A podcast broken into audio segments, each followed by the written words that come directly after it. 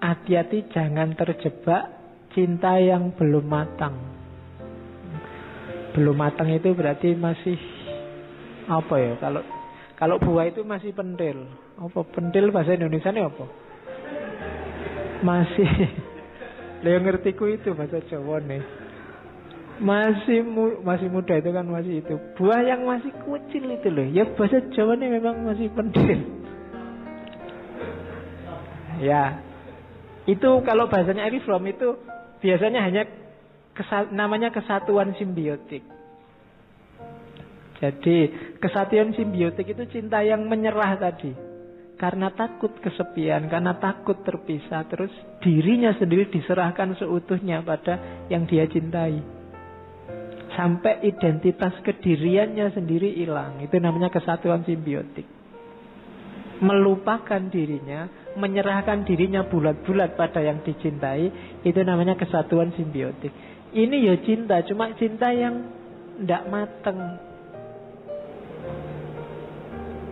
Aku rela mati demi dirimu, itu kesatuan simbiotik.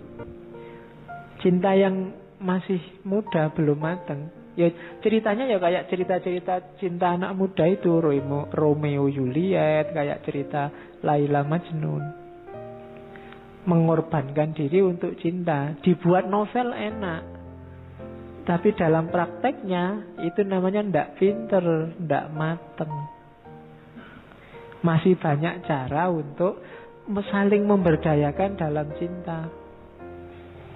Jadi kalau cinta terhalang ya kamu ndak harus kawin lari nanti capek. Masih banyak jalan yang lain. Nah itu namanya kesatuan simbiotik. Cintamu belum matang. Cinta yang matang itu apa? Ya punya yang dicintai. Antara yang dicintai dan mencintai saling mengutuhkan dirinya masing-masing. Kita dekat tapi tidak saling mensubordinasi. Kita jadi satu tapi tetap dua. Kayak puisinya Gibran yang dulu waktu ngaji bahwa kayak tiang ini loh.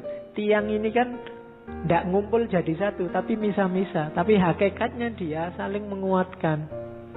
Kalau tiang ini ngumpul jadi satu malah ambruk. Biar aja beda-beda di sana, tapi saling mendukung, saling mencintai, akhirnya masjidnya bisa berdiri. Maka mereka yang tidak kuat dengan perbedaan tidak akan bisa kokoh berdiri. Apakah itu orang, apakah itu lembaga, apakah itu organisasi. Kalau kamu seragam, justru kamu lemah. Kalau Indonesia ini isinya militer semua, tidak jalan. Yang nyangkul siapa? Yang ngajar siapa? Lah iya kan? Yang nyari ikan siapa? Kan gitu. Ya Jokowi hebat, tapi kalau semua kayak Jokowi, ya tetap rusak Indonesia. Bu Susi yang Menteri Maritim, ya hebat, tapi semua kalau Bu Susi ya rusak, harus beda-beda. Sa Indonesia kayak Habib Rizik semua, itu ya kan tidak terbayangkan. Tapi lembek semua juga tidak bagus. Ya biar aja dengan jati dirinya masing-masing. Cuma saling menguatkan, saling mengokohkan. Jadi satu tapi tetap dua, tetap tiga, tetap empat. Nah itu ber kalau bisa kayak gini berarti cintanya mateng. Tidak saling menaklukkan, tidak saling menundukkan. Tapi semakin menguatkan, semakin memberdayakan. Itu istilahnya Eris from cinta yang matang. Bukan cinta yang sekedar simbiotik. Simbiotik itu kan jadi satu saling memanfaatkan. Kadang-kadang ada simbiotik yang malah mematikan. Ada yang kan kalau biologi macam-macam jadinya simbiotik itu. Ada yang mematikan, ada yang hanya untung satu yang satu rugi dan seterusnya. Jadi carilah cinta yang matang. Bukan cinta yang setengah-setengah. Dulu kamu pinter luar biasa, tapi begitu punya pacar, kok IP-mu turun. Apa-apanya jadi kacau. Ngatur waktu kamu nggak bisa. Jadi cinta ini nggak memberdayakan. Kamu belum mateng, masih anak-anak. Masih cinta monyet. Ya cinta monyet itu kan karena pacarannya masih di kebun binatang. Iya. Cah cilik kan. Jadi harus semakin memberdayakan. Itu ciri cinta yang sehat. Kalau cinta bikin kamu kacau, bikin kamu rusak, berarti cintamu tidak sehat. Itu nanti sumber susah, sumber patah hati.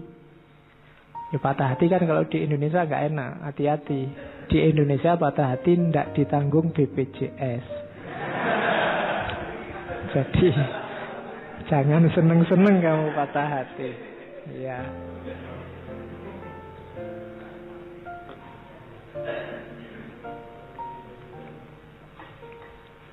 Terus. Oke. Okay. Nah, itu ada kalimat bagus. Infantile love. Cinta yang tidak matang. Infantile love follows the principle I love because I am love. Mature love follows the principle I am love because I love. Jadi, cinta yang kekanak-kanakan itu prinsipnya aku mencintai karena aku dicintai duluan. Tapi cinta yang mateng, aku mencintai. Ya, aku dicintai karena aku sebelumnya mencintai. Yang tadi ya, bukan kamu nyari objeknya. Jadilah pribadi pecinta, maka kamu akan dicintai. Jangan nunggu dicintai terus kamu baru bales mencintai. Itu kekanak-kanakan, itu masih level dagang. Aku cinta padamu, kalau kamu cinta padaku.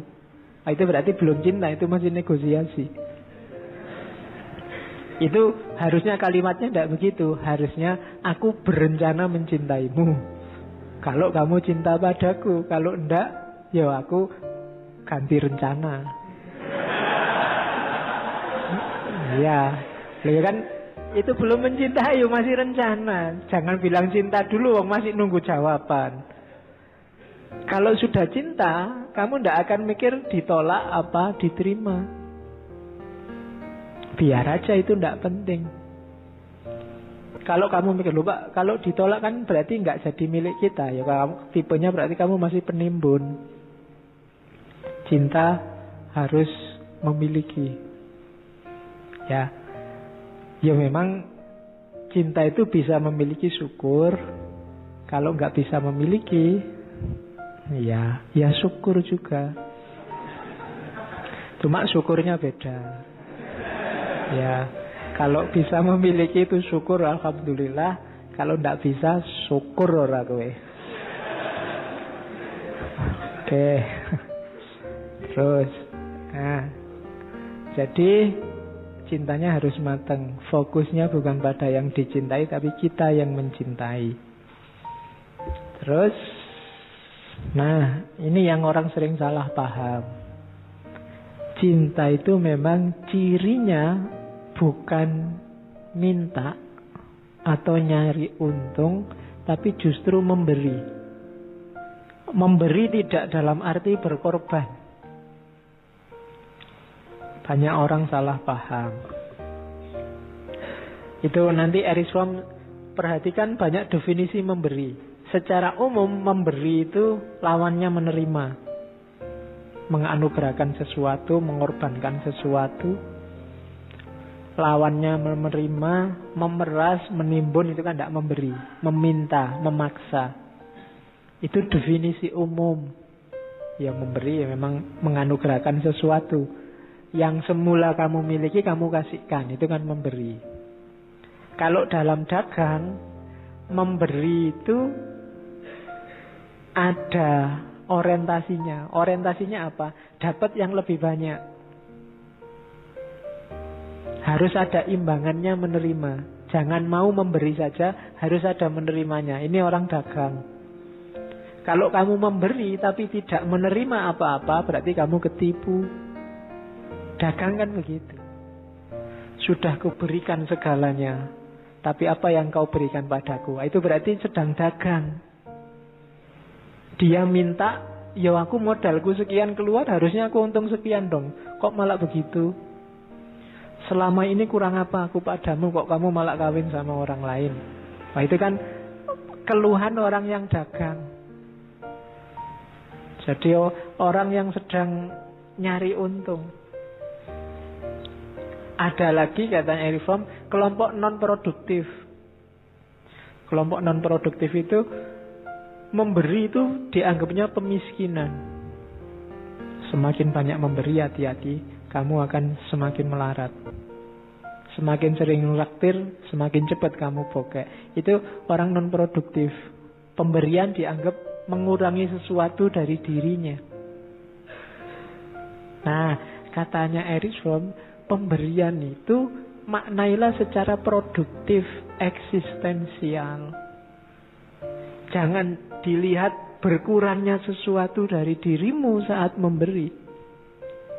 Hakikatnya memberi adalah pembuktian bahwa kamu mampu, bahwa kamu punya, Orang yang bisa memberikan orang yang memiliki. Kamu tidak mungkin bisa memberi kalau kamu nggak memiliki. Maka pemberian artikan secara produktif dan eksistensial. Dengan kamu memberi berarti ternyata aku itu mampu ya. Ternyata aku itu punya ya. Itu kan eksistensial. Pembuktian bahwa dirimu mampu, dirimu kuat, dirimu punya, dirimu vital. Dirimu penting. Jadi rahasianya di situ. Makanya kenapa kok orang disuruh sodakoh banyak-banyak kalau dalam Islam. Tidak usah dipikir kalau kamu sodakoh 700 nanti kembalinya 7 juta. Itu tidak penting itunya. Begitu kamu bisa memberi itu menunjukkan bahwa kamu mampu. Kamu punya kapasitas, kamu punya kemampuan, kamu ternyata punya sesuatu yang bisa diberikan ke orang lain. Oh ini membangun kepercayaan diri, membangun identitas yang luar biasa. Jadi tidak harus dihitung membeli sekian kembali berapa, ndak. Dengan kamu bisa memberi, jati dirimu terafirmasi. Oh ternyata aku itu golongannya orang kuat, golongannya orang mampu. Cinta juga begitu. Makanya ada pepatah yang bilang kalau kamu memberi, kamu dapatnya lebih banyak. Dapat lebih banyak itu tidak harus 700 kembali 7 juta. Lebih banyak itu bentuknya bisa macam-macam. Termasuk tadi yang paling penting afirmasi kemampuanmu, kapasitasmu. Sehingga jati dirimu terbangun. Kamu jadi sesuatu sekarang. Kalau kemarin sebelum kamu memberi, kamu seolah-olah nggak ada artinya. Tapi sekarang ketika kamu bisa memberi, jati dirimu sekarang sudah tegas. Oh aku ini ada artinya. Hidupku ini tidak sia-sia. Itu ya memberi itu tidak harus barang. Jasa juga bisa. Tenaga juga bisa Pengetahuan juga bisa. Apa pun jenisnya memberi akan semakin menguatkan dirimu. Nasihat juga bisa. Bahkan senyuman juga bisa. Memberi senyum ke orang lain itu tidak gampang loh. Jangan salah, kamu aja kan juga jarang. Paling kalau ketemu temanmu saja kan kamu senyum. Itu pun yang kenal. Yang tidak kenal kalau dihitung misalnya kamu kuliah di kampus itu antara mahasiswa yang kalau ketemu kamu senyum dengan yang cuek aja kamu tidak kenal itu lebih banyak yang kamu cuek saja. Jadi dan dirimu di kampus itu mungkin ya nggak dianggap penting juga sama yang lain. Tapi ketika kamu bisa memberi meskipun hanya senyum, keberadaanmu diafirmasi. Mungkin kamu sering juga kan papasan sama orang, kamu sudah ancang-ancang senyum nih, senyum nih. Nah, dicuekin nggak jadi. iya. Sakit hatimu, kamu sudah senyum, dia cuek aja lihat. Ah, kan mungkin sering gitu. Jangan-jangan sama saya juga pernah begitu. Lagi pikiran suntuk nggak peduli ada yang mau senyum. Jadi ya kamu yang sudah terlanjur senyum wah mangkalnya luar biasa. Tapi jangan takut ketika kamu senyum ke orang meskipun dicueki itu tidak penting orang yang balas senyum apa enggak tapi menunjukkan ah ternyata aku ini ada masih yang mampu. Bisa ngasih sesuatu meskipun hanya senyum. Dulu oke jadi Hakikatnya cinta nanti ada pada memberi.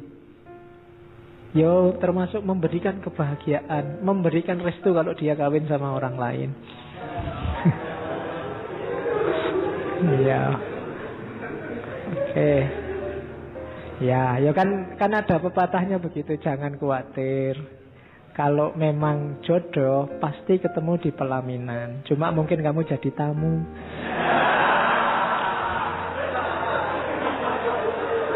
Oke. Terus Nah, yo, ketemu di pelaminan cuma kamu jadi tamunya. Oke, terus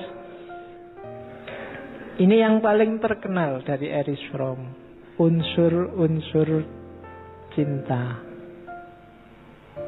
Nah, cinta yang memberdayakan bukan cinta yang memperdayakan itu cirinya empat. Ini ada di Art of Loving, bab-bab awal. Yang pertama, care, perhatian.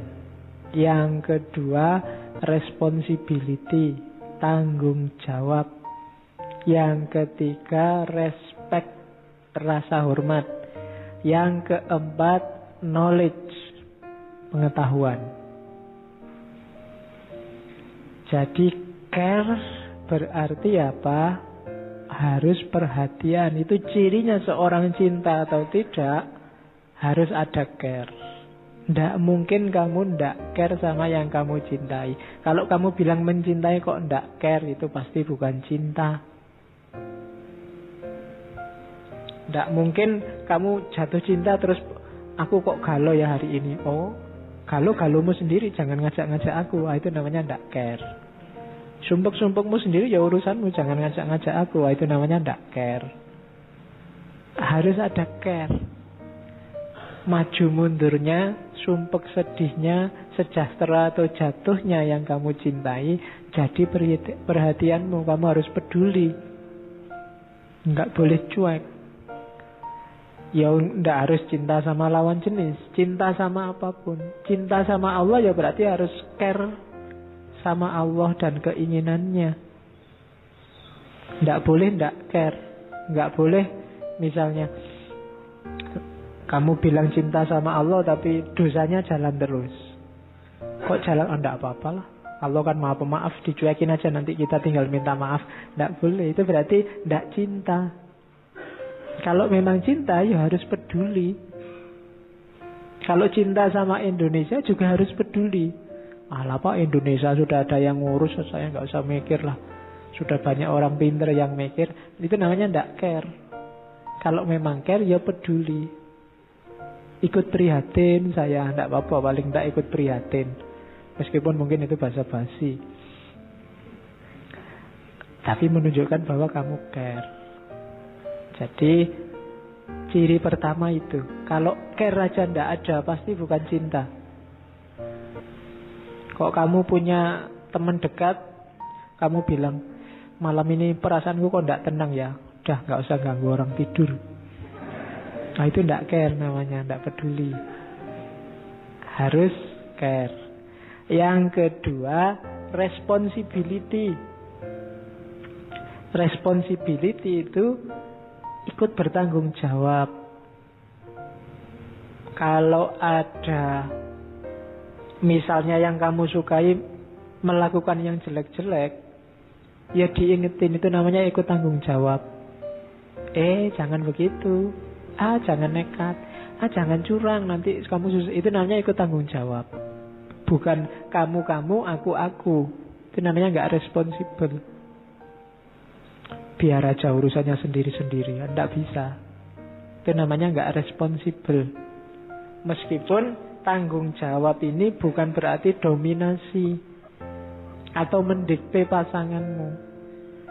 Tanggung jawab berarti apa? Ikut terlibat demi kebaikannya, demi kemajuannya, demi kesejahteraannya. Jadi setelah care harus responsibel. Setelah kamu bilang saya prihatin, itu tanggung jawabnya selanjutnya gimana kalau prihatin? Apa yang harus dilakukan itu namanya tanggung jawab. Malam ini perasaanku kok ndak enak ya. Ya aku aku ikut prihatin dengan perasaanmu.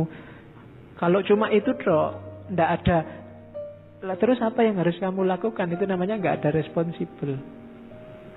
Yo, mungkin kamu nambah, oh kamu malam ini galau toh. Ya sudah mau ditemenin, apa mau, ah itu namanya responsibel. Jalan keluarnya kira-kira apa ya? Itu namanya ikut responsibel, ikut tanggung jawab. Tidak cuma ikut bela sungkawa, nggak cuma ikut simpati, nggak cuma ikut prihatin. Ya peduli, ya peduli. Cuma harus ada responsibility. Tidak bisa berhenti di care.